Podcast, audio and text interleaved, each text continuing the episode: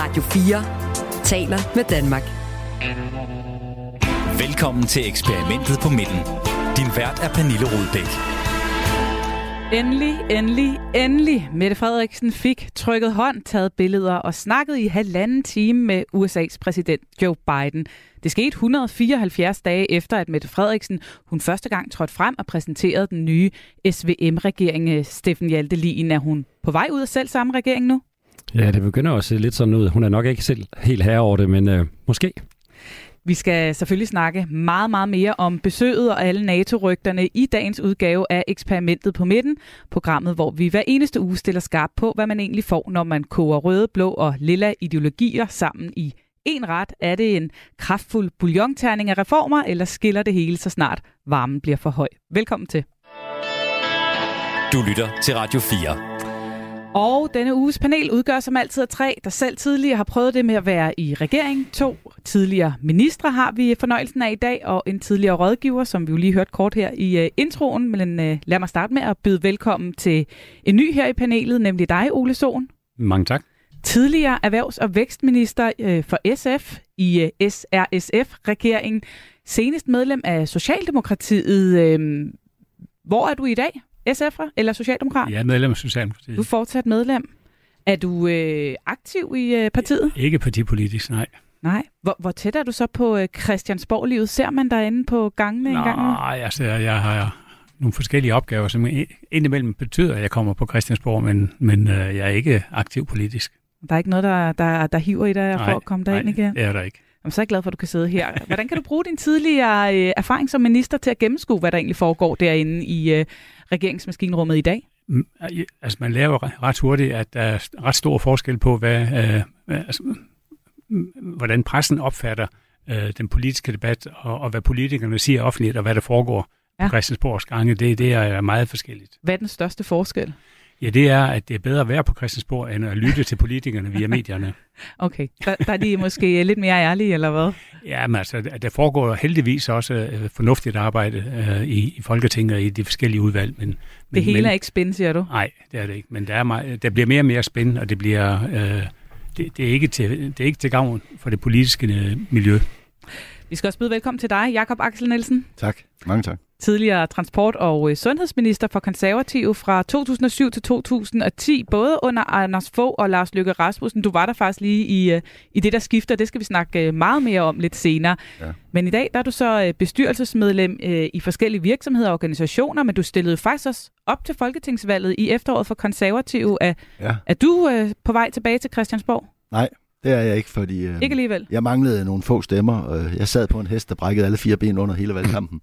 øh, og jeg har ikke tænkt mig at sætte mig op på den hest igen. Nu, jeg bliver i erhvervslivet. Nå, nu er du klog og skade. Du skal ikke prøve lykken øh, næste gang.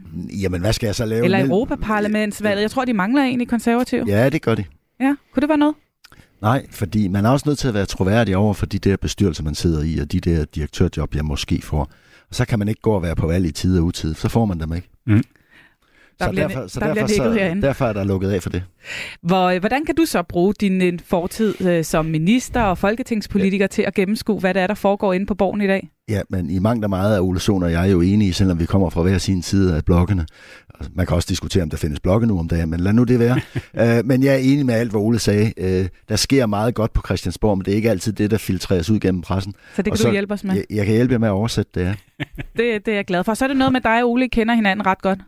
Ja, altså Ola og jeg har jo været i Folketinget sammen, og så var vi jo, jeg var så heldig, at mange af mine ordførerskaber, det var også dem, øh, Ole havde, så, ja. så vi skændtes jo officielt ned i Folketingssalen, og når så vi ikke havde ordet mere mod hinanden, så grinte vi sammen. Ja. Og jeg kan Sådan mærke, at I allerede sidder og griner mig så sammen i dag. Så øh, det er godt, I må både krydse klinger og grine sammen i dag. Det er en ja, fornøjelse at have jer med i hvert fald. Ja, det gør vi. Så skal vi også øh, byde velkommen til den rutinerede rotte her i øh, eksperimentet. Det er dig, Steffen Hjaltelin. Mange tak tidligere mange år i strategisk rådgiver i Venstre, også både med Lars Lykke Rasmussen og Anders Fogh Rasmussen, så du kan tale med om det her skifte lidt senere, ligesom Jakob Axel Nielsen øh, han kan. Jeg ved, at du er til besøg af borgen, øh, når du kan komme til det. Har du været derinde på det sidste og lyttet til, til rygterne på gangene? Uh, nej, det er kun i, på, uh, ja, han har sagt, uh, beskeder og, og sms og alt det, der foregår udenom. Men jeg tror også, at rygtebørsen den når vidt omkring. Man behøver ikke at være derinde Nej, lige nu jeg tror lige de her dage, uh, så er der heller ikke så mange derinde, så man kan sige, lige de her dage, så er det nok, uh, så er det nok vandrørene, der, der larmer rigtig meget. Som sagt, du har været med øh, en del gange efterhånden her, så du ved jo også til sidst, så skal vi gøre status på, om det er en rød, blå eller en lilla øh, farve, vi skal lægge i den her regnskabspulje, alt efter hvem man synes, der får mest ud af, af regeringssamarbejdet. Har det været svært den her uge?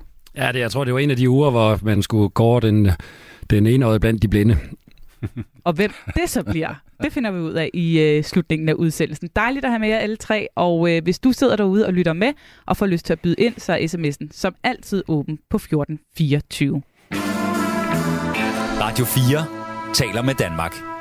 Ja, på de uh, to stole, hvor alverdens statsledere har siddet før hende midt i det ovale værelse, ja, der sad Mette Frederiksen, der så endelig og næsten gned sig lidt i hænderne. Thank you so much, uh, Mr. President. It's really nice to see you again and uh, to be here.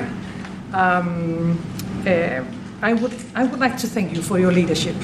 Uh, I mean, from a European og USA's præsident Biden, han svarede præcis, som han øh, skulle. As we all know, we don't talk often much about it. Denmark is one of our greatest allies and uh, most reliable friends, closest friends, and on lockstep in every global issue. Ja, men det var slet ikke de spørgsmål, der pressede sig på hos den utålmodige, ventende og pludselig også lidt råbende presse. Mr. President, are you sitting next to the next uh, NATO chief? Men øh, TV2's korrespondenter og alle de andre, de måtte altså vente, og de måtte vente længe, for mødet trak ud til stor glæde for det danske diplomati. Først efter halvanden time, der kom en glad Mette Frederiksen ud for at møde den meget nysgerrige presse, som jo selvfølgelig blandt andet vil vide, hvordan hun har det med alle de her rygter om, om hun kunne være på vej til NATO. Ja, jamen det skal da være det. Det er jeg da glad for. Altså, øh, jeg, er da, jeg er da glad for at, at være... Øh, og nyde en international opbakning i forhold til det arbejde, jeg udfører på vegne af Danmark. Øh, det gælder i Europa, det gælder så også øh, hos andre lande. Ja, Ole Sohn, Mette Frederiksen, hun er glad for at yde international opbakning. Hvad er det for nogle ord, statsministeren øh, vælger at, at dele med os her? Ja, hun forsøger at placere både sig selv og Danmark i en, en meget central position, mm. både i, i forhold til USA, men også i forhold til, til NATO-samarbejdet. Og det synes jeg sådan set, hun gør ret godt. Hvordan godt?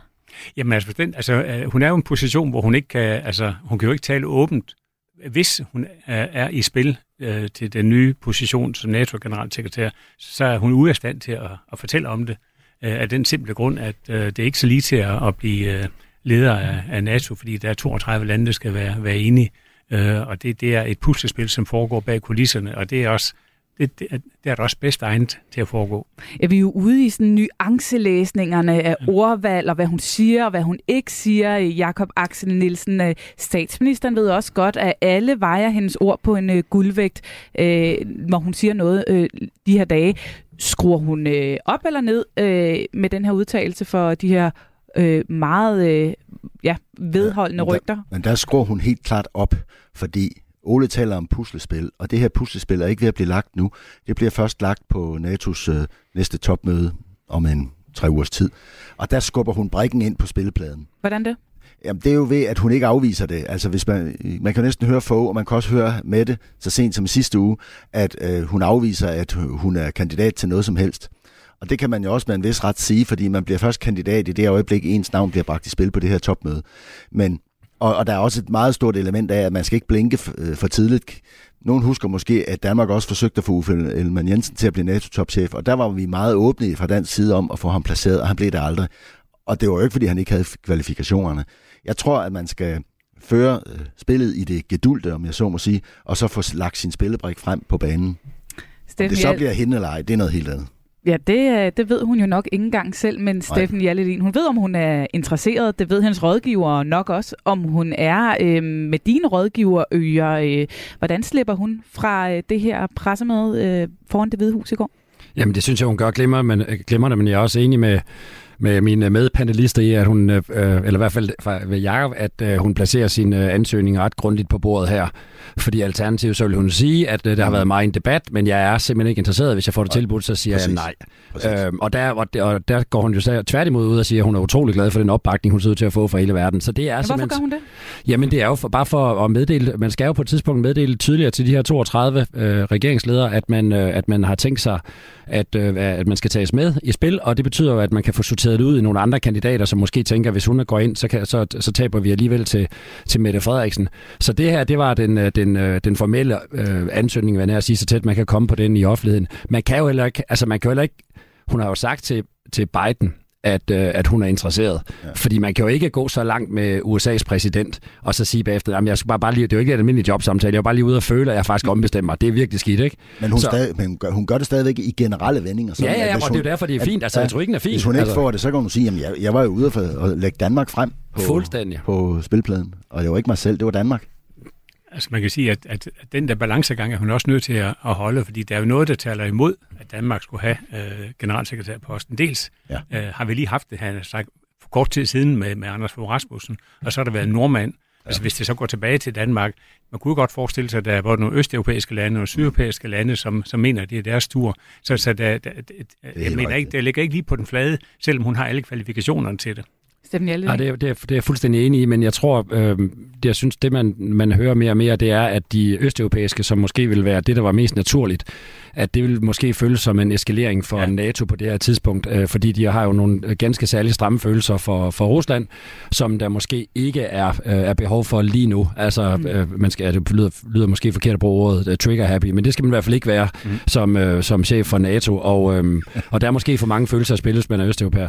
Det lyder som om, at, øh, at øh, udfordreren mest vil komme fra England, hvis det skulle være den engelske forsvarsminister. Men der er også mange, der kan komme til aller, aller sidst fra gamle øh, NATO-lande, altså fra, mm-hmm. fra Vesteuropa. Ja, så alt er stadig åbent, men uh, ingen ja. tvivl om, at hun har lagt sin brik på bordet, og hun har også skruet en takt op for at udvise interesse, uden at sige for meget, så sige det mellem linjerne. De udenlandske journalister, de stod der også i går, de havde samme spørgsmål, men uh, de måtte så uh, nøjes med uh, disse ord. Yeah, I have answered the question uh, already to the Danish media and, uh, and press. No, I, I'm not going further in, in, in these speculations about uh, NATO. Steffen Hjaltelin, det, det, det handler jo også om at, sende signaler øh, til øh, folk uden for Danmark. Hvorfor vil hun ikke sige mere på engelsk? Ja, men det tror jeg sådan set er meget klogt fra SafeBay-synspunkt. Øh, hun skal vægte sine ord på en guldvægt her, og det er lidt nemmere på, på modersmålet, og man ikke lige pludselig kommer ud og, og, og ikke forstår den diskurs, de spørger ud fra, og kan risikere at komme længere og længere ud i et, i et engelsksproget interview med nogle spørgsmål fra en flanke, hun ikke kan gennemskue. Hun ved nøjagtigt, hvad de danske journalister er interesseret i, og det har hun styr på, og det mm. synes jeg, hun besvarer uh, lige nøjagtigt, ligesom hun skal faren for at komme til at bruge et forkert ord med mm. en forkert nuance, den er for stor simpelthen. Jamen lige nøjagtigt i den her situation, så det, mm. man kan i hvert fald sige, at gevinsten ved at gøre det vil være for lille. Der var dog en udenlandsjournalist, som fik hende til at øh, sige lidt mere om hendes holdning til Ukraine, og måske var det næsten som om, at hun allerede svarede som en NATO-generalsekretær. Yeah, I think uh, all of us are very interested in, in peace in, uh, in Ukraine. Um, this has, uh, of course, also been on the agenda with uh, I talk uh, with the president. Um, but um, it takes two to tango, so we need some signals from, from Russia.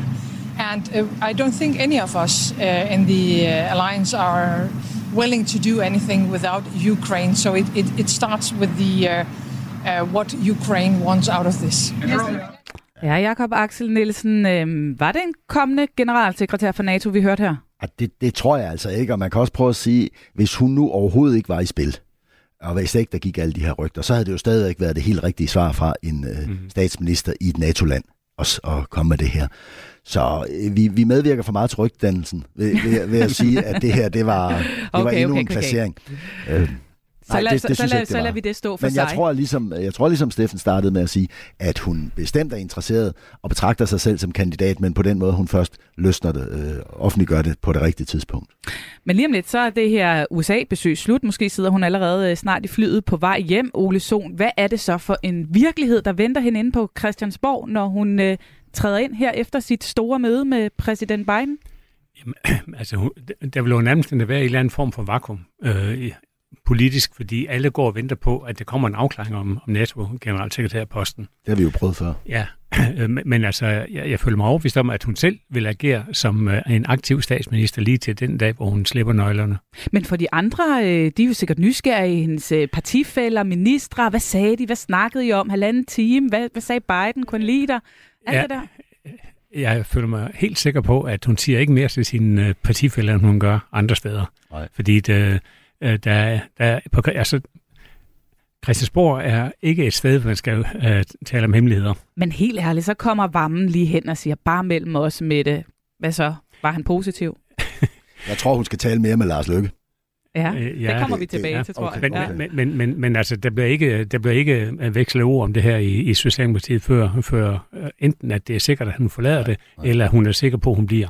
Men Jakob Axel Nielsen, nu siger du det selv, og vi skal snakke lidt mere om Lykkes rolle, men helt kort, øh, briefer man udenrigsministeren om, hvordan det gik, og hvad de talte om? Altså, vil det ikke være øh, meget normalt? Han får selvfølgelig den officielle briefing, men omkring alt det her NATO, som er ganske uofficielt, altså måske slet ikke øh, eksisterende på et egentligt dagsordenspunkt, der vil Lars jo presse på, altså, og han presser jo allerede på i offentligheden ved, at han prøver at, at øh, genfremsende, hvorfor er det, vi har den her. Han vil have en ny dagsorden, eller også så vil han tilbage til den dagsorden, der var, da regeringen blev dannet, og det presser han jo på med. Og der sender han jo også signaler til øh, Socialdemokratiet, at øh, hvis, øh, hvis den her regering skal bestå, så er det altså ud fra det samme mandat, som det vi i sin tid lavede regering på. Ja, øh, lad os øh, lige tage fat i det lige om lidt, men jeg først lige høre dig også, Steffen Hjaltelin. Altså Lykke får nok ikke så meget at vide, øh, den socialdemokratiske gruppe får heller ikke så meget at vide. Hendes tætteste rådgiver til gengæld er måske så den eneste, der ved noget? Ja, de er to-tre allernærmeste mm. rådgiver, det er de eneste, der ved noget. Og, og taler de fuldstændig åbent om alt? Ja, jeg tror, hun har brug for, at øh, det er måske Justesen og Barbara Bertelsen, som, øh, som hun har brug for at kunne tale helt åbent med, og det er person, det er et gæt på, hvem det måtte være.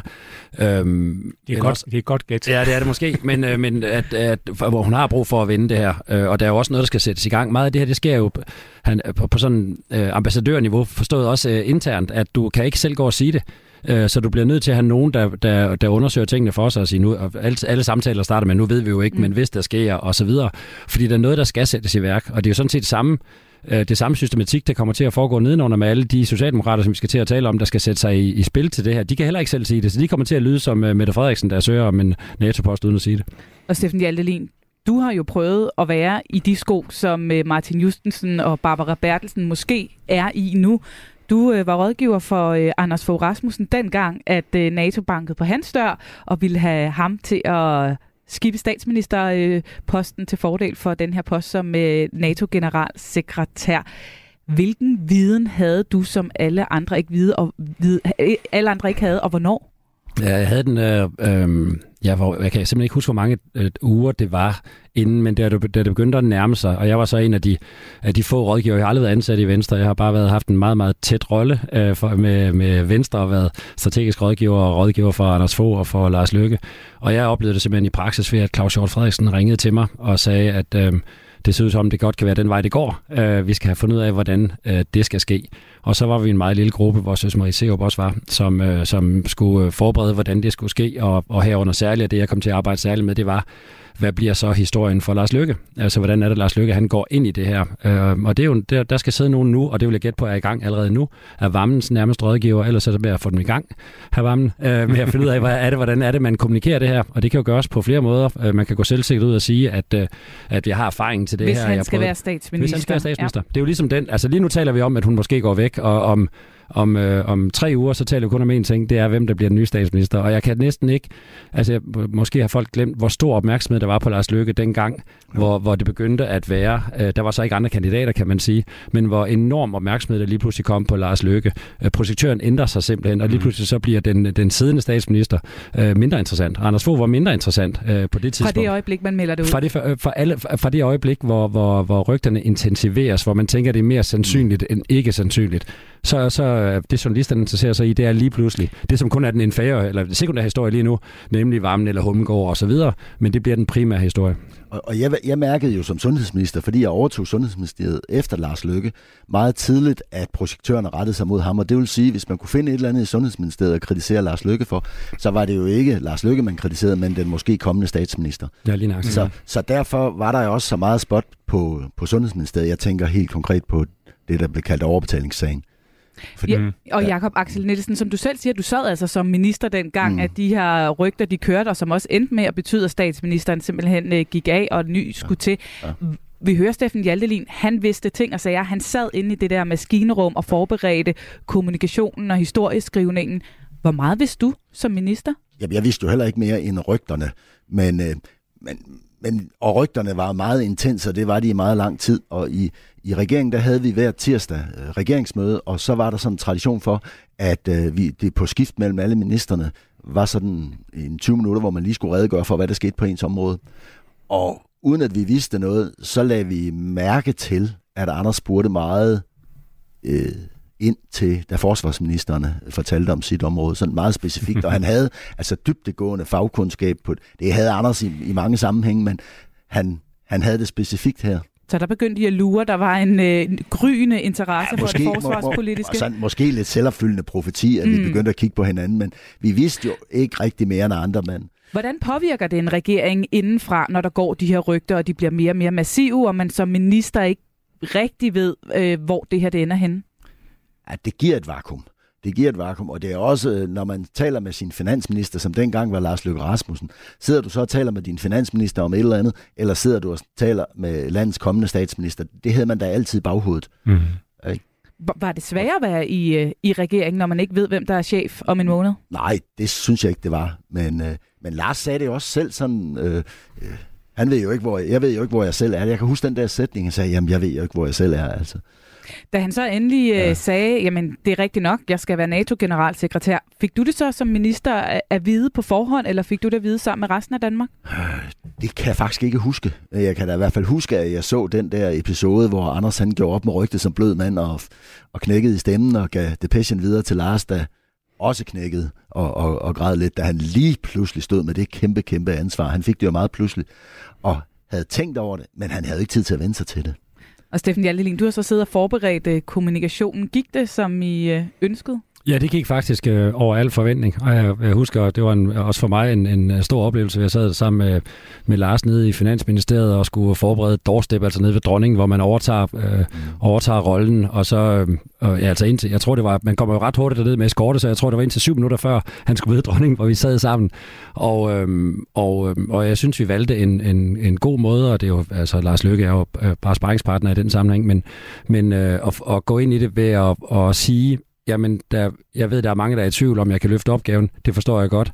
Jeg er også selv i tvivl. Jeg vil gøre mit absolut yderste. Jeg har, øh, brugt, jeg har øh, oparbejdet en masse erfaring, og jeg holder så meget af Danmark. Altså i stedet for at gå ud og sige, prøv at kære venner, tage det helt roligt, jeg styr på det hele. Så man skal vælge sit, uh, sit narrativ, som det hedder i, i fagsproget, og det, mm. det, er, det er jeg helt sikker på, at der er nogen, der sidder, om ikke nu, så i hvert fald fra næste uge, når de begynder at nærme sig og forberede for, for varmen. Det burde de i hvert fald. Et narrativ for ham, også et narrativ for Hvor, Mette Frederiksen. Må jeg stille et lille spørgsmål til Steffen? Selvfølgelig. Øh, og det er det der, der, da du bliver øh, ringet op af Claus Short. Var, var det sådan lige op til det der topmøde? Øh, eller var det øh, før det topmøde? Fordi vi ved jo alle sammen, at Claus Short i hvert fald var i telefonkontakt med Anders med, når det, ja, det sidste topmøde. Jeg kan ikke huske, om det var i Tyrkiet eller om det var i Italien. Ja, det var vi er tilbage i, i april 2009, tror ja, jeg. Præcis, øh, men, præcis. men jeg vil, altså jeg har simpelthen, øh, jeg, jeg kan simpelthen ikke få genskabt min gamle kalender for at se nøjagtigt, hvad dagene var. Og dengang, sådan er det jo, når man oplever et eller andet historisk. Man tænker ikke over det, mens man er i situationen. Ja, ja. Men øh, jeg vil, det, var, det, var, det var så tæt på. Altså, det var jeg, måske en 14 dages tid eller sådan noget, ja. før det endte med at blive virkelighed, så det var, okay. der skulle arbejdes hurtigt. Ja, slutningen af marts, okay. Ja, så var det en 14 dages tid før. Ole Sohn, du var også på øh, Christiansborg dengang, men i øh, oppositionen. Mm. Hvordan oplevede du det sådan ud fra et oppositionssynspunkt, det her vakuum, som der er fra nu af, til vi har en afgang? Ja, men altså, der var egentlig ikke nogen, på den, som opposition var der ikke nogen forandring, altså fordi der, man kører på med den kritik, der nu øh, en opposition skal over for, for regeringen. Øh, og vi vidste jo... Altså, Men langt... begyndte man så at ret øh, skytset lidt mod den måske kommende statsminister? Ja, det kan jeg bekræfte. så kan Jacob ja, Axel Nielsen Jo, jo, jo, men sådan er det jo. Altså, øh, at, man, at man forsøger at finde øh, svaghederne ved, ved, øh, ved dem, der er i front. Mm. Øh, og, og, og, og herunder også dem, der potentielt kan komme i front.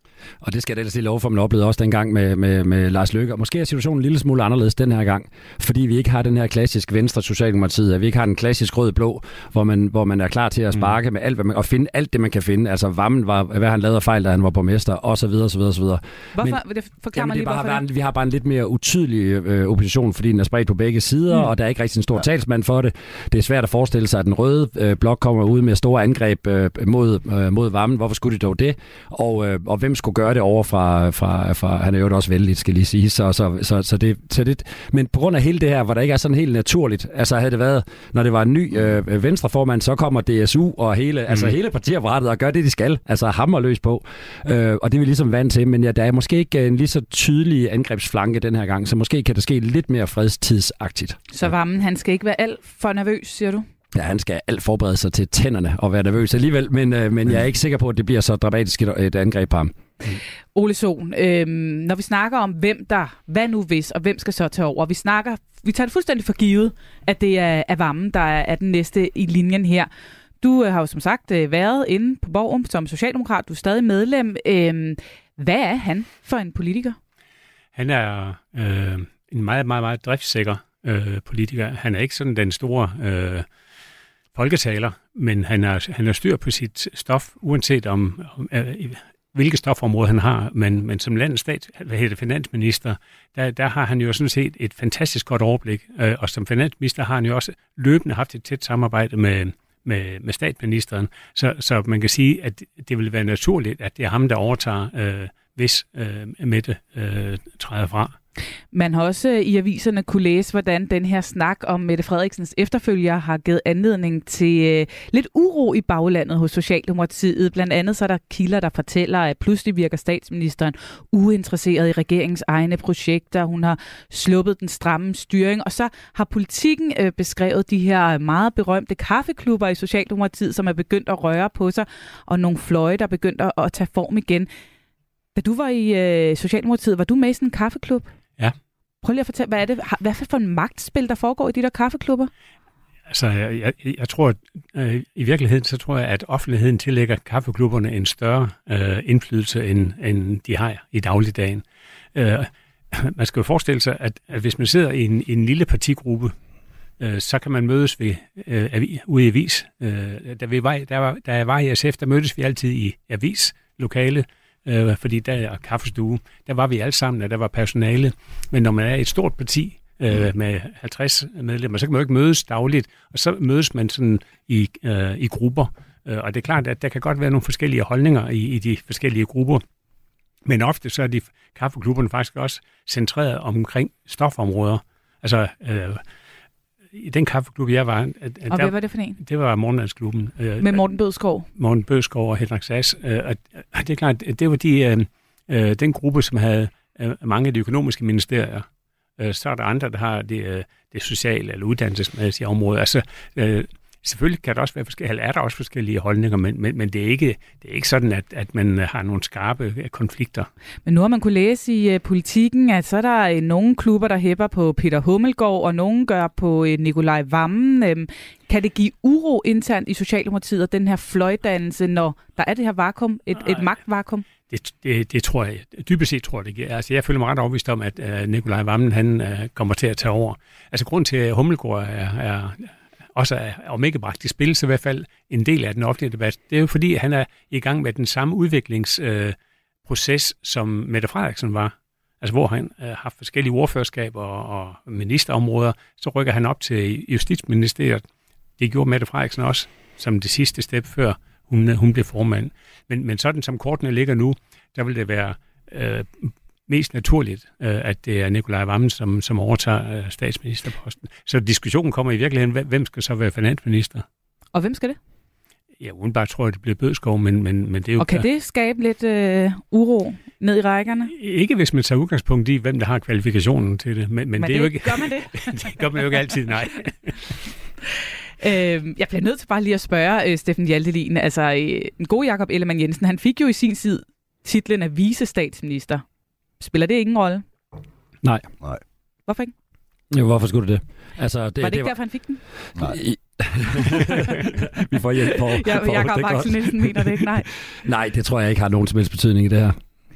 Jamen altså, så lad os øh, hoppe videre til en anden, der måske kan få noget øh, betydning, nemlig, øh, som du også nævnte, Jakob Axel Nielsen, Lars Lykke Rasmussen, som jo også rører lidt på sig på hjemmefronten, og som Mette Frederiksen også snart skal hjem og se i øjnene og måske have en snak med. Uh, mens hans chef, Mette Frederiksen, sad i Washington, så benyttede han grundlovsdag til lige at slå fast, at der altså er noget, der lige skal genbekræftes, hvis der bliver rykket for meget rundt på topposterne i regeringen. Og så sagde jeg jo selv i valgkampen, at det handler om noget og ikke nogen, og det noget er jo politik. Men det er klart, at der er jo nogen, der har sat sig bag den her øh, politik, ikke? Øh, og, øh, og det er klart, at hvis der pludselig bliver rykket rundt i den øh, personkreds, så er der i hvert fald behov for, at man får genbekræftet, kan man sige, det politiske projekt, ikke? Ja, Jakob Axel Nielsen, øh, hjælp os lige. Du har selv haft øh, ham som chef, havde han sagt, øh, ja. i, i en regering. Hvad mener Lars Løkke Rasmussen med genbekræftelse? Jamen, han skal ud og selv uh, sætte prisen højt igen. Men jeg vil også starte med at sige, at Lars, der er også gået rygter om Lars, om hvorvidt Lars han er kandidat til en eller anden toppost, om han skulle bruge Moderaterne som trædesten til at komme ud i verden. Uh, med det, han siger her, der siger han også, jeg ved godt, at det der er mit projekt, det her parti, som Lars oprigtigt brænder for, det overlever ikke, hvis han forlader det for tidligt. Så bliver det 16 øh, løsgængere alle sammen. Og det tror jeg, Lars ved. Og det er også det, han får sagt her. Så han mm. bliver. Så handler det her mere så, om moderaterne? Så, så, det handler meget om moderaterne, om at han sender et signal, jeg bliver. Men der handler det også om, at øh, han skal ud. Regeringen er jo de facto ikke sådan en, der agerer som en flertalsregering længere. Det er som om, at den er begyndt at sejle lidt frem og tilbage øh, som en mindretalsregering. Hvad mener du med det? Øh, jamen, jeg mener, at den bruger faktisk ikke den magt, den har. Den kom ud med 20 bang, og nu skulle vi lave en hel masse reformer og, og være stærke, men det ser ud som om, den er gået i stå. Og det kan jo selvfølgelig være intern uenighed om, øh, om tempoet, og, og så er de jo også blevet bange for meningsmålingerne efter Stor Bededag, så den har mistet noget af sin handlekraft. Og det er der, Lars går ud og siger, fordi det er hans raison d'etre, at øh, en, med en regering hen over midten, og fordi den skal, være, den skal gøre det, som en socialdemokratisk ledet regering ikke kan alene med sit parlamentarisk, normale parlamentariske flertal, og den skal også gøre det, som en konservativ venstre-regering heller ikke kan med sit normale parlamentariske flertal. Og det skal jeg hilse at sige, det er rigtig mange nødvendige ting, som ingen af parterne kan. Og det er jo det, der er regeringens raison d'etre, hvor Lars har set rigtigt med befrielsesøjeblik øjeblik og skrive den der bog, og så nu, at han, fordi konservativ hoppede ud af regeringsdannelsen, som ellers ville være blevet SF, S, øh, konservative og venstre, og så springer konservative, og så ryger SF ud, og så kommer øh, mm. moderaterne ind. Øh, så, så han har jo virkelig sejret ved hele den her regeringsdannelse, og nu hæver han prisen og siger, at hvis Mette er væk, som virkelig var et trækkraft bag det her, bag den her regering, så skal der komme en ny, som vil blive samme trækkraft, og altså commit sig til projektet. Øh, Steffen Hjaltelin, du kan også øh, oversætte Lars Lykkesk for os. Altså genbekræftelse, hvad ligger der i det? Jamen, øh, det, altså hele situationen er utrolig irriterende for Lars Lykke og Moderaterne, øh, fordi øh, fra befrielsesøjeblik i, øh, i, øh, i 19, hvor, hvor Mette Frederiksen afviser det fuldstændig, så kommer så grundlovsdag sidste år, hvor, hvor hun så stempler fuldstændig ind og går til valg på det. Men der er jo kun øh, tre personer der har, øh, i Danmark, der har lænket sig til den, altså med Jakob Ellemann og, og Lars Lykke og Mette Frederiksen. Og i særdeleshed så har Mette Frederiksen og Lars Lykke været meget, meget stærkt markerpar i det her. Så han har jo brug for, at, øh, jeg tror allermest det er et budskab til Vammen faktisk, ja, han har brug for, at Vammen han går ind og siger, jeg mener det her fuldstændig lige så meget som Mette Frederiksen. Mm. Og det vil han jo ikke kun have interesse i, for han kan også godt se, hvordan det ser ud i meningsmålingen. Det ser rigtig skidt ud, og det sikreste for ham, det var sådan set at trække en lille smule mere over mod de røde. Så var han sikret flere poster, øh, eller flere år på, på, øh, på statsministerposten, vil jeg tro, end ved at fortsætte med at elske det her projekt. Så det er, en, øh, det er simpelthen et spørgsmål om allerede øh, nu, øh, så det er et pokerspil at bede ham om at melde ind, altså melde ind og melde ud meget, meget meget kraftigt, at han mener det her, så han ligesom har længet sig til vasten. Så det er ikke, fordi vi snakker valg, og alle poster skal rystes øh, på ny og fordeles igen? Nej, det tror jeg ikke på det her mm. tidspunkt. Han skal bare sige, at det her, det mener jeg, det her mener jeg nøjagtigt lige så meget som Mette Frederiksen. Og han var i øvrigt også øh, gevaldigt involveret i det, så det kan da være et håb, om man mener. Set vi, kan lige, øh, vi kan lige slutte med et par sms'er fra vores lytter. Øh, der er kommet en fra Rasmus, der skriver, hvis Mette Frederiksen ikke bliver NATO-generalsekretær, vil man så mene, at det er et nederlag for hendes fremtid i dansk politik, spørger han. Ole Sohn, har du et bud på det? Nej, det vil det ikke. Altså, øh, altså hun har heldigvis øh, placeret sig på en måde, hvor hun netop har sagt, at hun ikke er kandidat. Men det er klart, at der bliver, altså hun, at det vil i, i, i offentligheden, i pressen, vil det blive udlagt som et, et, et øh, nederlag. Men, men øh, når sommeren er over, så, så er det værd der igen. Ja, det er enig. Jesper, han spørger, jeg forstår ikke, hvorfor Mette Frederiksen kan blive NATO-generalsekretær. Hun har haft så mange møgsager og var en knivspids tæt på en rigsretssag, mener han. Slet ikke noget, som de øvrige statsledere vil kigge på? Øh, overhovedet ikke. Jeg tror simpelthen ikke, at de aner, der har fandt sådan en uh, mink-sag sted overhovedet. Det er på mange måder befrielsens øjeblik. Ja, men det er vi nået til et fast element her i programmet, som jo altså øh, med Lars Lykkesk kalder for befrielsens øjeblik. Jeg har bedt jer alle sammen om at kigge godt efter og pege på det eller den, der i den forgangne uge har øh, tegnet sig for et lyspunkt, hvor det her regeringssamarbejde er gået op i en øh, højere enhed. Ole Sohn, hvad har du fået øje på? Jamen, altså, jeg vil sige, lyspunktet i den her uge er virkelig det samme, som det også var i forrige uge og forrige uge igen. Det er, at den her regering øh, den har alle muligheder for at kunne bære de reformer igennem, som er nødvendige. Ja. Og det, der er helt afgørende øh, for Danmark, det er ikke, at vi mangler penge, det er, at vi mangler de øh, hænder, som har de kvalifikationer, vi efterspørger. Ja. Og det er en kæmpe opgave, som ikke kan løses af hverken rød blok eller blå blok hver for sig. Så du mener stadig, der er god grund til, til den her regering ja. over midten. Jakob Axel Nielsen, hvad har du fået øje på? Jamen, det er det samme, at øh, der er ikke nogen rigtig, der kan vælte den her regering, fordi øh, Rød Bloks normale parlamentariske flertal, de er sat uden for indflydelse, og det er Blå Bloks normale parlamentariske indflydelse også. Og hvis vi så tager konservative LA, de vil aldrig vælte den her regering, fordi de ved godt, at den er, den er tættere på de reformer, der skal gennemføres, jævnfør det Ole siger, og det ved SF'erne faktisk også. Steffen Hjaltelin, vil du stemme i? Øh, nej, jeg har faktisk valgt i den, her, i den her uge at give den som en samlet fidusbamse til alle partisoldaterne i de tre partier, som undlader at angribe øh, deres gamle fjender, kan man sige, eller kompetenter på alle de muligheder, der har været for det. Altså Jakob Ellemann og forsvarsfordagen, normalt så vil man bare som vi skal snakke om lige om. Hårdt, hårdt på den, ikke? Øh, Lars Løkke og velfærdsudspillet, som blev hakket ned, kunne man angribe øh, endnu hårdere på. Og så hele det der med, at Mette vil væk. Øh, men altså, I skal jo simpelthen, at de, de skal simpelthen lægge bånd på sig selv. De har været opdraget til at angribe hinanden, siden, øh, siden de var medlem af ungdomspartiet, da det, det var 14, ikke? Og det synes jeg altså helt, helt generelt, så, så har de været... Altså, det, det har de klaret første folketingsår øh, med bravur, altså. Det, det er, en det går, fidus bang, øh, bamse til øh, de er meget, øh, ja, mm. øh, hvad hedder sådan noget? Øh, loyale. Loyale, loyale partisoldater. Ja, det synes jeg. Så de er SVM-loyale. Ja. På Radio 4 får du hver dag nyt fra dansk politik. Der er altså ikke ret mange mennesker, for hvem selve stor bededag mm. betyder noget. Vi nuancerer det politiske landskab. Man kører fuldstændig hen over den danske model. Og giver fløjene en plads i debatten. Du vil gerne have, at vi ikke skal tage ansvaret for noget, fordi vi skal sende det til folkeafstemning. Nej, jeg synes faktisk ikke, det er ikke at tage ansvar og sende ting til folkeafstemning, Jens. Overhovedet. Lyt med alle hverdag kl. 11.05. Radio 4 taler med Danmark.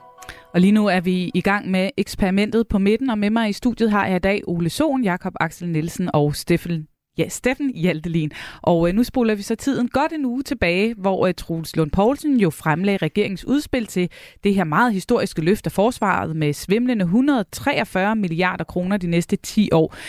Men så dumpede der en øh, dårlig sag, øh, især for den sygemeldte formand Jakob Ellemann Jensen, ned midt i det hele. Og øh, det betød altså, at Truslund Poulsen pludselig måtte stå og tage imod særdeles kritiske spørgsmål.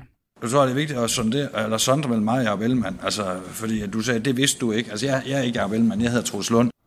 Og det er altså øh, Troels Lund, som må svare på spørgsmål, som øh, handler om en øh, sag om våbenkøb tilbage fra januar.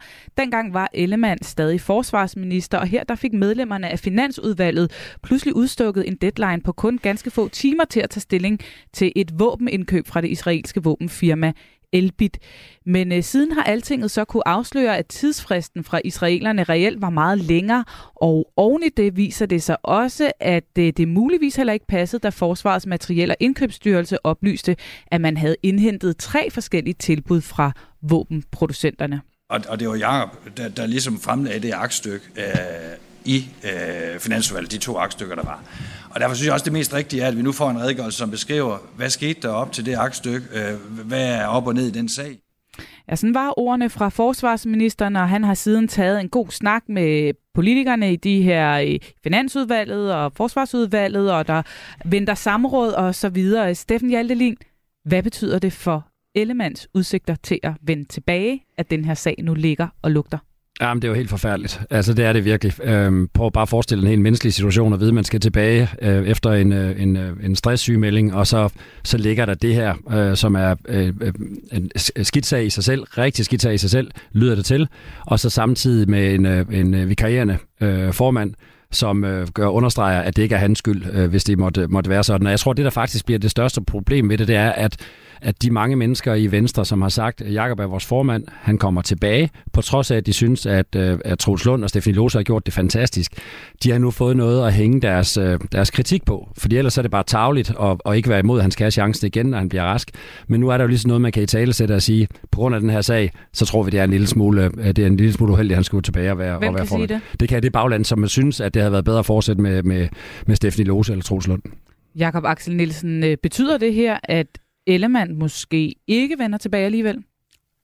Det kan jeg jo ikke vide. Altså, jeg mærker i hvert fald, at hvis nu der intet var i sagen, så kunne Troels Lund jo have sagt, at øh, så kunne han jo aflede den. Nu holder han den i gang og siger, jeg kan jo ikke svare på det her, fordi det ikke var mig, der var minister.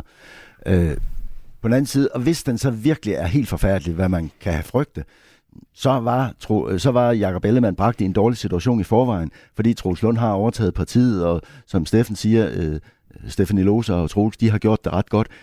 Og så er der hele den der overskrift, der er på, at man har været nede og ligge med stress, øh, selvom det kan ske for alle, og selvom det er en forfærdelig sygdom, og vi alle sammen har respekt for det, så er bare spørgsmålet, om, hvis det, om, der, om det taber nogle vælgere, hvis man går efter statsministerposten. Hvad Venstre jo vil gøre ved næste valg. Så, så det er, øh, uanset hvad, så er det en rigtig svær situation, han kommer tilbage til. Ole Sohn, at det er en rigtig svær situation for Jakob Ellemann, uden tvivl. Er det også en skidt sag for partiet og for regeringen? Øh, nej, det tror jeg egentlig ikke. Altså, altså det er det for Jakob Ellemann. Altså, jeg ved, at øh, ja, ja, Jacob Ellemann, at, at øh, han skal tilbage og håndtere den sag, og, og der er jo ikke nogen, der har ligesom har øh, taget fra. Nej. Så den ligger på øh, den ligger på et sølvfad for oppositionen, og de har jo allerede øh, øh, meddelt, at de vil indkalde til samråd den dag, han melder sig klar. Øh, så, så det allerførste, han kommer til, det er at håndtere den her sag. Øh, og og jeg, jeg forstår ikke helt, hvorfor øh, Troels Lund og regeringen ikke har fundet en, en vej ud øh, for at også lette tilbagekomsten. Hvordan, hvad, hvilken vej kunne det være? Jamen altså... Øh, det, Måske gør det det ikke, fordi det i virkeligheden er en dårlig sag. Ja, hvis det er en, men, men hvis, hvis, hvis, hvis ministeriet havde en hel masse oplysninger, som de kunne, og dem kommer de jo til at finde frem, fordi de skal udstyre øh, Jacob med et samtalepapir øh, til foretrædet, ikke? Jo. Eller til samråd. Øh, så, så, så kunne Troels jo godt være ude og sige det. Så havde han jo ikke fedtet sig ind i noget, hvis der var en god forklaring. Mm. Men det er måske, fordi der ikke er nogen god forklaring, at Troels ikke vil fedte sig Jamen, hvis ikke der er nogen god forklaring, så, så, bliver det, øh, så tror jeg simpelthen ikke, at Jacob Ellemann han overlever det her.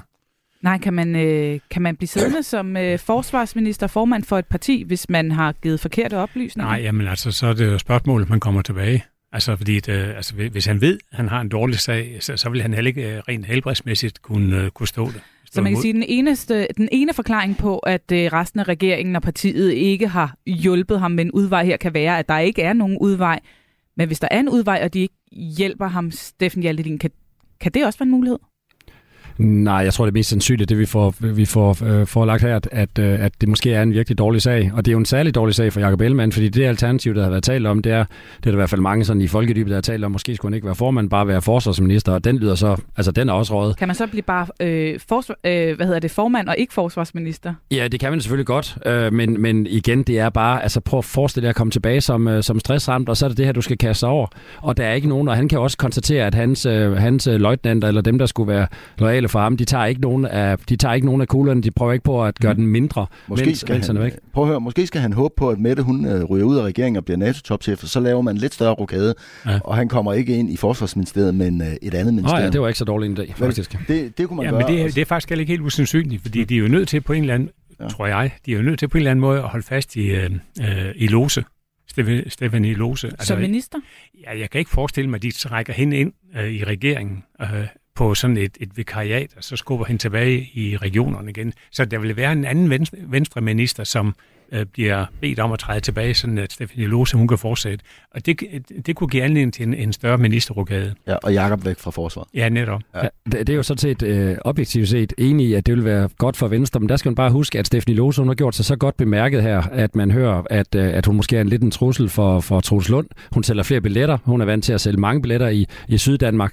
Så måske vil han opleve, efterhånden som hendes øh, popularitet stiger, stiger, stiger, at hvis han selv har fået... Øh, jeg har været en af dem, der har troet, at han vil fortsætte med at være næstformand. Hvis han selv har formandens ambitioner, så er det jo lidt træls, at der er en billetsælger lige ved siden af. Ikke? Og så for, han kunne godt tænke sig, at hun smuttede tilbage for, til ja, men det er jo godt spørgsmål. Jeg har egentlig været, jeg har været tilhænger af det, af det synspunkt, at han vil være, at hun vil være, skulle være den næste formand, og han skulle være nummer to. Hvis ikke han har tænkt sig det, så har han ikke interesseret i, at hun får alt for meget rampelys. Og tilsvarende med Jakob Ellemann, ham, han har jo levet på, at, øh, at der ikke har været noget, noget alternativ overhovedet, fordi der har været Troels, men som, som med de styrker, han har, ikke er folkeforfører. øh, jamen, det er han jo ikke. Og så, øh, og så er der lige pludselig en, som, øh, som har været rundt til alle kredse og været rundt og tale med folk, og som har gjort et helt fantastisk indtryk. Hvor tæt har man lyst øh, på, at, øh, hvor meget har man lyst til, at vedkommende går og ligner et, et, et, et godt alternativ til daglig. Det er også med i ligningen.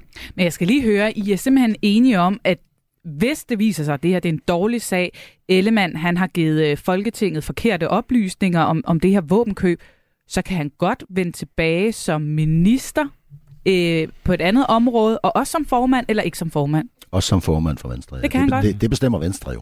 Er du enig? Ja, men det er jo, det er jo kun, og det er, men øh, det, er jo, det har vi jo set i, altså de, der, øh, de mennesker, der har skrevet ind til programmet, det har vi set om større sager i rigmål, at hvis du kan skabe, skabe et flertal for, at det ikke betyder noget, så betyder det ikke noget.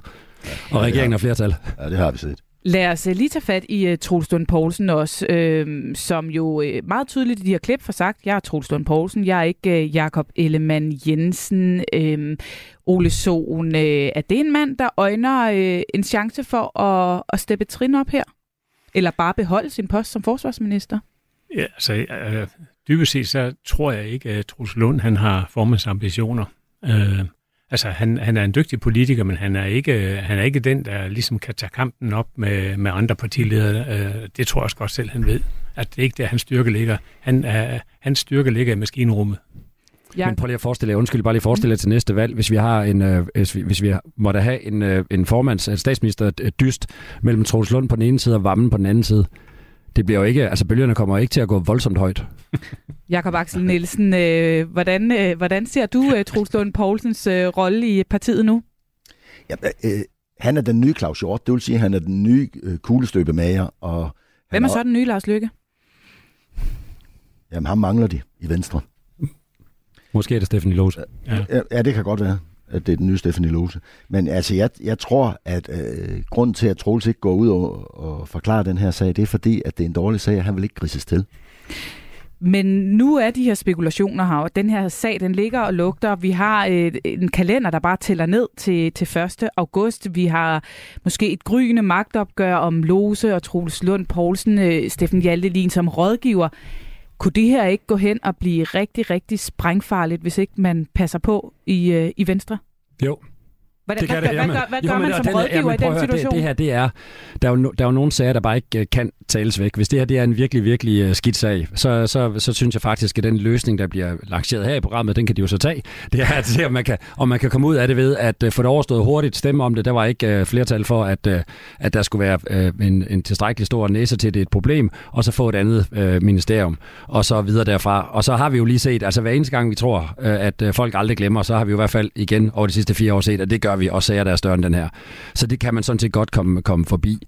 Øhm, og så vil, vil Jacob Ellemann jo i givet fald være en af dem, som håber, at den her regering kommer til at sidde rigtig længe, så vi, så vi ikke har et, et, et billede af ham som, som sygemeldt og i de her problemer, men øh, to, to år fra nu, så som øh, stærk formand for, for Venstre. Altså ting kan vende sig igen. Ja, ja. Det kan det simpelthen. Og, øh, og hvis det viser, at han kommer tilbage i, i, øh, i fin form. Som formand, så, og som hvad? Hvilken minister kunne han så være? Ja, det, jamen, det bliver næsten for mærkeligt, vi sidder og spekulerer. fordi det, er, det er et puslespil, hvor det ikke er hans øh, ambitioner, der kommer til at være det vigtigste lige det her, for der er noget, der skal gå op med, med en ny finansminister og så videre, som er, som er vigtigere end det her. Men, men, men, men man skal ikke, altså man, der, der er større comebacks øh, end det her, så det kan også godt lade sig gøre. Det bliver bare altså helt forfærdeligt svært. Ja. Det, det er jo en bastardregering. Ja, når man blander to eller tre ting, som ikke umiddelbart passer sammen, så kan det jo altså også resultere i noget mærkeligt, et misfoster eller en bastard, som øh, Pelle Dragsted har kaldt den nye regering. Det er det punkt, vi er nået til nu. Jeg har også bedt jer om at kigge efter noget af det, som ikke har spillet så godt for regeringen den seneste tid. Ugens politiske bastard. Øh, Steffen Hjaltelin, vil du lægge for? Jamen, jeg har taget øh, Lars Lykkes øh, generationsudmelding, som jeg egentlig i et tidligere program faktisk har sagt, ja. jeg synes, der var, der var på den positive side, men det var fordi, at øh, Mette Frederiksen manglede sin krigsfortælling, generationsfortælling, og her fik hun så en generationsfortælling ja. i stedet for. Hun, og vi var også enige om i panelet den dag, at hun kunne se, hvordan det ligesom øh, øh, kom til at lande, og så kunne hun så selv vælge, hvor meget hun stemte ind i det. Det er det ikke gjort. Det kan man roligt sige. Hvad mener du? Jamen det er fordi, uh, hende og Hummelgaard, de har, de har sagt, at uh, det er de som udgangspunkt uh, ikke enige i. Eller... De gad ikke den generationsfortælling? Nej, altså, og det, det skal bare lige uh, sige til lytterne, at det Lars Løkke er ude at sige, det er, at vi får så store uh, krav i befolkningen fremover, at vi bliver nødt til at have en grad af selvbetaling, grundlæggende brugerbetaling, som skal være med i noget af det. Og det går ret imod Socialdemokratiets historie om universel velfærd og niveauet af det. Så, så de, var i hvert fald, de blev i hvert fald så bekymrede for historien med det samme, fordi de, kom, de, de røde partier de kom ud og, og hamrede på det med det samme og sagde, okay, nu skal vi selv betale for alting, vores hjemmehjælper og så videre. Så der turde de ikke at lade den stå. Så det endte med, det, det startede som et befrielsesøjeblik, men endte med en bastard. Sådan kan det jo gå. Er det et problem for regeringen? Ja. Jeg tror, ja, det er det, fordi det her, sådan noget det her, det irriterer også Lars, fordi han er jo, det er jo ikke noget, han bare lige finder på. Altså, han har jo virkelig, virkelig tænkt over det, og han har øh, sandsynligvis også grund til, at øh, det er det rigtige, for, for ham i hvert fald, for Moderaterne, det rigtige sted at stå, og udover at stå som midterregering, så har de jo også været, altså de der gennemarbejdede nye løsninger. Så det, øh, det, er en, det bliver en langsigtet problematik, hvis de ikke er så meget soulmates, som det lige kunne tyde på. Jakob Axel Nielsen, hvad har du fået øje på? Jamen, jeg har fået øje på øh, en gammel historie, som viser sin virkning nu. Og det er altså hele øh, storytelling omkring, hvorfor vi skulle af med Stor Bededag, at det var noget økonomi, og vi skulle finansiere Ukraine. Det bider dem i haserne nu, fordi øh, så finder man 16 milliarder, og det er ikke penge, der mangler i Danmark. Vi kunne faktisk fylde hele øh, rådhuspladsen med lønkroner, og der er vilje til at aflevere dem, hvis det kunne løse nogle af problemerne i sundheds- sundhedsvæsenet. Men de er nødt til at i tale sætte, og det er Vammen øh, også begyndt på når han møder på den der store bededag, så siger jamen det er jo selvfølgelig, fordi vi skulle finansiere Ukraine. Og så tilføjer han, ja, men vi mangler jo også en hel masse øh, hænder mm. og manpower. Og, og når vi vil forkorte uddannelserne i Danmark, så er det jo ikke fordi, at de skal, de skal ikke fortælle os, at det er fordi, at vi får bedre uddannelse, for det gør vi ikke. Det er fordi, man vil have folk hurtigere igennem universiteterne og uddannelserne, for at få dem ud på arbejdsmarkedet. Det er det, der er hele overskriften. Og det er den krisefortælling, der er sandfærdig. Det er, men folk tror, at vi har en krise omkring noget økonomisk. Og det tror de ikke på, og det, for det har vi heller ikke med økonomi, men vi mangler folk til at opretholde vores velfærdssamfund. Ah, den krisefortælling, den øh, bider i haserne nu, jo, men, men, men, men, men altså, regeringen har jo selv bidraget til mm. øh, problemerne, fordi de netop har sagt, at vi mangler penge. Ja. Øh, og det gør vi ikke. Øh, men, men jeg vil sige, at velfærdssamfundet er virkelig under pres, fordi enig. vi mangler kvalificeret arbejdskraft. Helt enig. Både i den private og offentlige sektor. Vi skal også lige nå at høre, hvad din politiske bastard er. Jamen det er virkelig lidt det samme. Det er, at, at, at regeringen øh, har, har, har, har ikke evnet at, at kommunikere mm. den udfordring, som vi står overfor, og som i øvrigt er baggrunden for, at regeringen er dannet. Præcis. Det, hvordan skaber vi et samfund i fremtiden, hvor der er kvalificeret arbejdskraft? Der er enighed om, øh, om den bestart. Du og lytter til Radio 4. Med det er vi snart ved øh, vejens ende for eksperimentet på midten den her gang, men vi skal, som jeg varslede i introen, jo også lige gøre regnskab. I får lov til at smide en rød, blå eller lilla bold i den samlede regnskabspulje, alt efter hvem I synes, der får mest ud af det her eksperiment på midten lige nu. Du øh, sagde, at det havde været... Hvad var det, du kaldte det, Steffen Hjalte? Jeg sagde, det havde været, været en blind uge, vi skulle vælge den ene øje, tror jeg, jeg sagde. Ja, og hvem, hvem blev det så? ja, det blev Socialdemokratiet den her uge for mig. Ja, og det er første okay. gang, jeg har prøvet det. Jamen altså, der er en første gang for alting. Der ryger en rød bold i puljen. Ole Sohn, hvad med dig? Jamen altså, øh, det vil jeg, jeg, jeg vil også sige, at, at Socialdemokraterne, fordi at, at, de, øh, at de har nu bragt sig selv øh, i spil, for, øh, både med, med Mettes øh, fremtid, og det, at, at de kommer i fokus, hvis varmen overtager. Altså, så de, øh, de har bragt sig et, et sted, hvor, hvor, øh, hvor de bliver synlige. Jeg glemte lige at spørge, hvorfor du smed den røde bold også, Steffen Hjaltelin. Er det samme begrundelse? Ja, men grundlæggende så er det fordi, at, at Lars Løkke ser lidt afpillet ud, efter at hans generationspolitik bliver hældt ned af brættet. Og, øh, og Venstre har de sædvanlige problemer, der er større her, hvor, hvor Troels Lund han, øh, måtte understrege, at han ikke var Jakob Ellemann. Og så er der jo noget, der hænger lidt positivt på, skal vi heller ikke tage fejl af, at når Mette Frederiksen hun får ros fra hele verden, så er det jo ikke så skidt endda. Altså, øh, der sker jo det altid det, når danskere klarer sig godt i udlandet. Jeg plejer at kalde det vores effekten så, øh, så elsker vi dem. Altså, uanset om de måtte give, være, være upopulære på hjemmefronten. Så fik vi også lært et uh, nyt ord i dag, Wozniacki-effekten. Uh, Jakob Axel Nielsen, du får lov til at smide den sidste bold i for i dag. Jamen, jeg smider den, der er smidt. Altså, jeg smider den også den røde bold, og det er Socialdemokraterne. Og vel at, kan det, er det irriterende på mange punkter med den der NATO-snak, men Mette luner sig ved den, og den højner hendes anseelse i hele Danmark, og det smitter af. Det er måske uh, Wozniacki-effekten der. Det tror jeg er meget god for Socialdemokratiet.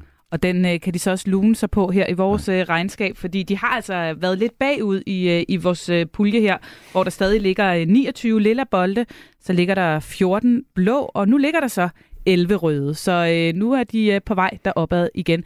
Tusind tak, øh, fordi I var med til at øh, lege med os her i eksperimentet på midten i dag. Ole Sohn og øh, Steffen Hjaltelin og øh, Jakob Axel Nielsen. Også mange tak til dig, der er lyttet med derude. Hvis du nu ikke fik lyttet med fra starten, så kan du selvfølgelig finde eksperimentet på midten som podcast i øh, Radio 4's app. Der kan du også finde alle vores øh, andre politiske podcast. Du kan finde Det Røde Hjørne, Det Blå Hjørne og øh, Mandat. Og øh, hvis du ikke er så meget til podcast, så kan du også bare tænde fra radioen. Det er nemlig sådan, at hver eneste dag kl. 11.05 øh, og 12, der sender vi dansk politik til dig. I morgen der øh, står den på forsvarspolitik, så må ikke der bliver talt meget mere NATO og måske også våbenkøb her. Det er i hvert fald øh, min øh, gode kollega Peter Ernst Ved Rasmussen, som byder indenfor i frontlinjen. Jeg er tilbage på torsdag med øh, vores politiske magasin Mandat, hvor vi også vender alt godt for den politiske uge. Og øh, på fredag, ja, der byder min gode kollega Kasper Dalser indenfor i det øh, blå hjørne. Der er selvfølgelig også masser af god radio resten af dagen her på kanalen. Der er kranjebrud lige efter klokken 12. Men nu skal du allerførst få det sidste nye fra ind- og udland. Nu bliver det nemlig tid til nogle nyheder her, hvor klokken den nærmer sig 12. Tusind tak for i dag. Vi lyttes ved igen i næste uge. Du har lyttet til en podcast fra Radio 4. Find flere episoder i vores app, eller der, hvor du lytter til podcast. Radio 4 taler med Danmark.